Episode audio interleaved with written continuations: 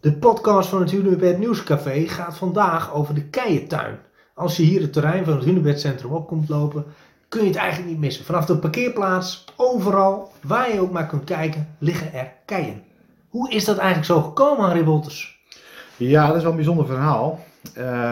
Ik was ooit een keer bij een uh, kalkzandsteengroeven hier in Drenthe, in Hoge Smilde. En uh, ik had keileem nodig om, uh, nou we hebben hier prachtige prehistorische boerderijen buiten staan. En dat moest aangesmeerd worden met keileem. Dus ik denk, nou daar ga ik heen, ik haal keileem op.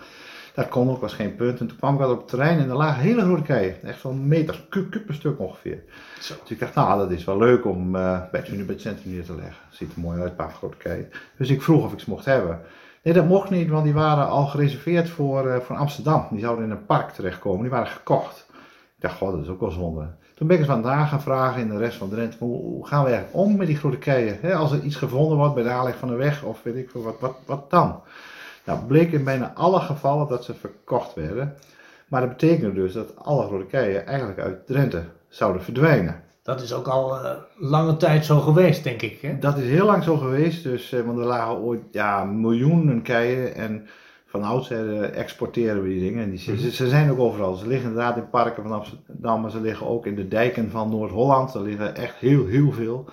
Dus ehm, ja, ze verdwijnen. Ik vond dat heel erg zonde. Dus ik ben naar de provincie gegaan en heb gevraagd van, goh, kan ik wat geld krijgen om een keientuin in te richten? Dan kunnen we die bijzondere keien die kunnen we bewaren. En uh, dan hebben we een soort tehuis voor zwerfstenen. Dat was een beetje de gedachte. En uh, zo kunnen we alle verschillende soorten neerleggen. En dat past ook wel bij het grootste hunebed. Dat, een hunebed is immers ook gemaakt van grote keien. En dan kunnen de verhaaltjes bij die keien. Waar komen ze vandaan? Wat voor soort? Ik dacht, nou dat is hartstikke leuk. Dus ik dacht, nou dan gaan we gewoon een klein keientuintje maken. En daar kon de provincie, die, die zei, nou hier heb je wat geld voor vrachtwagens. Kun je in ieder geval laten rijden. Een beetje inrichten. We hebben een inrichtingsplannetje. Hartstikke mooi. Het was helemaal niet de bedoeling om het heel groot te maken. Dus ik uh, ging op een gegeven moment naar Emmen toe. Er lagen heel veel grote keien bij de aanleg van een, van een weg. En uh, ja, die mocht ik wel hebben. Nou, ik was helemaal blij. Twee vrachtwagens vol had ik. Ik dacht, nou, dat begint goed. Ja. Maar daarna hield het natuurlijk snel op. Want ik dacht, ja, waar liggen nou nog meer grote keien? Want zoveel komen er ook niet tevoorschijn. En toen stond daar ineens iemand uh, bij mijn bureau. Jannes van Echten.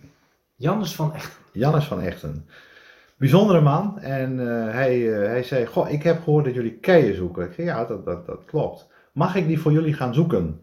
Nou, ja, ga je gang. Dat uh, vind ik niet erg. Ik zeg, en als je genoeg hebt, dan bel maar op. Dan laat ik een vrachtauto komen. Dus het was een week later. Hij belt op. Nou, ik heb de eerste vrachtwagen vol. Oké, nou, vrachtwagen 2. En ja, klopt, de derde vrachtwagen was er. En een week later belt hij weer op. Ik, laat me weer een vrachtwagen komen. Ik, ben, ik heb wat beter gaan het doen. Hoe krijg je dat toch voor elkaar? Nou, hij zei, ik ga gewoon naar een willekeurig dorp in Drenthe. Ik bel bij de eerste boer aan. En elke boerderij heeft natuurlijk wel keien bij het huis liggen. En hij vraagt gewoon aan die boeren van, uh, goh, je hebt nou een mooie keien liggen. Zou je een kei willen schenken voor het goede doel? En het goede doel was dan de keientuin. Ja. Nou, dat vond die boer wel grappig. Dus Jannes ging een kopje koffie drinken bij zo'n boer. En, uh, en kreeg een kei. Maar dat deed hij ook bij de volgende boerderij. De volgende, hij was de hele dag bezig om kopjes koffie te drinken. En overal kreeg hij een kei.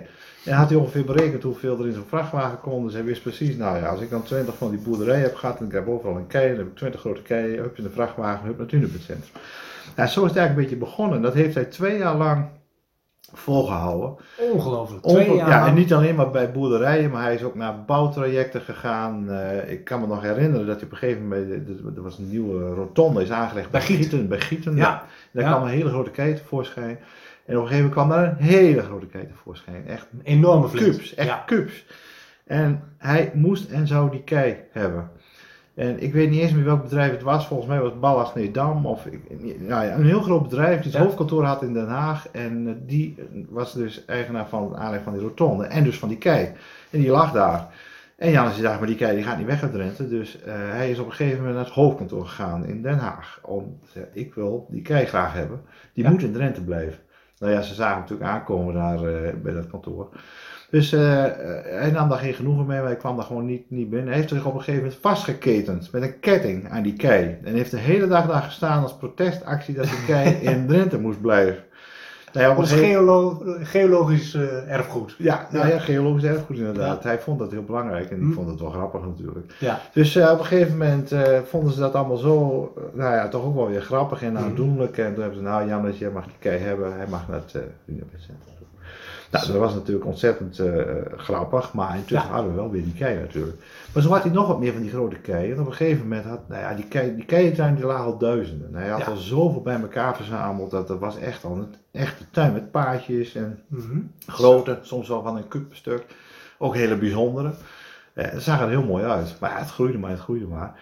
Maar ja, op een gegeven moment had hij meerdere van die grote keien, waaronder Ja. die bij Giet. En toen Mhm. heeft hij vanuit alle gemeentes, zo ongeveer, op het Hondsruggebied, heeft hij de burgemeester gevraagd of die op één dag met een vrachtwagen een kei naar Borger wilde brengen bij het Hunebedcentrum. Oh, oké.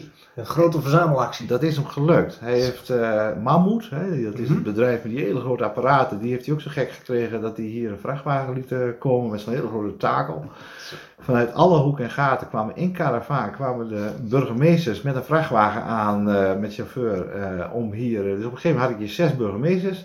Ik had zes vrachtwagens, allemaal met zo'n grote kei en een mammoet takel. En eh, zo werden die grote keien eruit getakeld. Nou, dat was Ja. natuurlijk spektakel, een hoop nieuwswaarde. Ja. En zo had Jannes iedere keer alweer wat nieuws. Ik geloof dat hij eh, drie tandemassers heeft versleten met zijn keien. Hij heeft eh, vijf auto's gewoon afgeracht.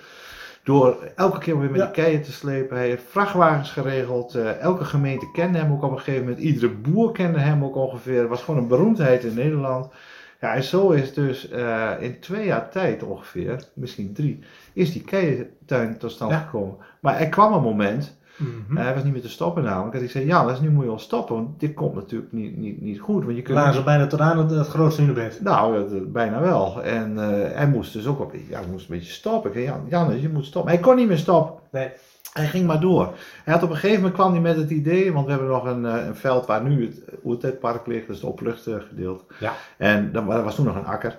En hij zei, nou als ik nou eens eh, heel groot daar Borger neerleg van keien, zodat je het alleen maar vanuit een vliegtuig kunt zien. Ja. Nou, ik zei, Jannes, nu, nu ga je echt te ver. Want dit, dit moeten we niet hebben. Dat, dat, dat, nee, dat, dat, dat gaat niet goed. Nou, dat vond hij dan wel jammer. Toen heeft hij op een gegeven moment een andere hobby gevonden. was fotografie. En heeft filmpjes gemaakt. Ook heel veel voor het Hondrug UNESCO Ja. Geopark. Mooi. Dus, eh, dus toen was een beetje dat keiavontuur van Jannes voorbij. Maar wij hadden natuurlijk wel een prachtige keientuin ertussen. Maar gelukkig... Vooral met keien die er lagen nog zonder verhaal, denk ik. Ja, het was allemaal zonder verhaal. Maar gelukkig hebben wij eh, hier een, eh, een, een kenner. Harry Huisman. Eh, Die zullen wij zeker ook nog spreken eh, in de podcast. zeker doen, want die man die weet zoveel van keien. Die ziet een kei en die weet precies wat vandaan komt, hoe oud het is, eh, waar uit Zweden. Hè? Want ze zijn uiteindelijk allemaal de ijstijd hierheen gebracht. Ja. De ene laatste ijstijd, zo'n 150.000 jaar geleden, zijn al die keien hier met dat ijs heen gekomen. En eh, ja, Jannes heeft ze weer bij elkaar geplukt. Maar ze, Ja. ze zijn wel allemaal oorspronkelijk uit Drenthe, maar ja, oorspronkelijk natuurlijk nog weer uit Scandinavië. hè. Ik bedoel, er zijn keien bij, die, hebben, die komen helemaal uit de buurt van Helsinki. En die liggen nu allemaal bij elkaar in een keientuin. We hebben een bonte verzameling met honderden verschillende soorten. En, eh, ja, en Harry Huisman die eh, heeft ze allemaal eh, genummerd en benoemd. En er staan nu ook bordjes bij. Je kunt nu ook zien hoe oud. En sommige die Ze keien hebben ook namen. Hè? ze hebben namen van, van Rapakivi tot Uppsala graniet. En ja, de meest mooie namen. En, en heel vaak genoemd naar de plek waar ze oorspronkelijk vandaan komen. Want ook in Scandinavië zie je gewoon dat die keien, die komen allemaal lokaal ergens vandaan. Hè? Uppsala graniet, het woord zegt het al, de plaats Uppsala en een specifieke graniet die daar vandaan komt. En die is Ja. dan bij ons te vinden. Ja, Nou, dat is natuurlijk- prachtig. Ja. Dat is natuurlijk hartstikke mooi. Dus eh, ze zijn eh, van een groot deel, in ieder geval de, de, de meest bijzondere, die hebben allemaal een naampje gekregen, staat een bordje bij. En, en, ja, en, en door Jannes hebben wij gewoon in 2,5 jaar eh, tijd, eh, hebben wij de grootste keientuin van Nederland eh, Uniek in kunnen Nederland, realiseren. denk ik. Het is in ieder geval de grootste, dus Ja. uniek, uniek is zeker. Ja, absoluut. prachtig hoor. Ja. Mooi. Goed, nou ik ga ook zeker Harry Huisman nog even spreken over die hele ijstijden kwestie en natuurlijk de komst van de stenen en waar ze allemaal vandaan zijn gekomen in die tijd. Eh dankjewel.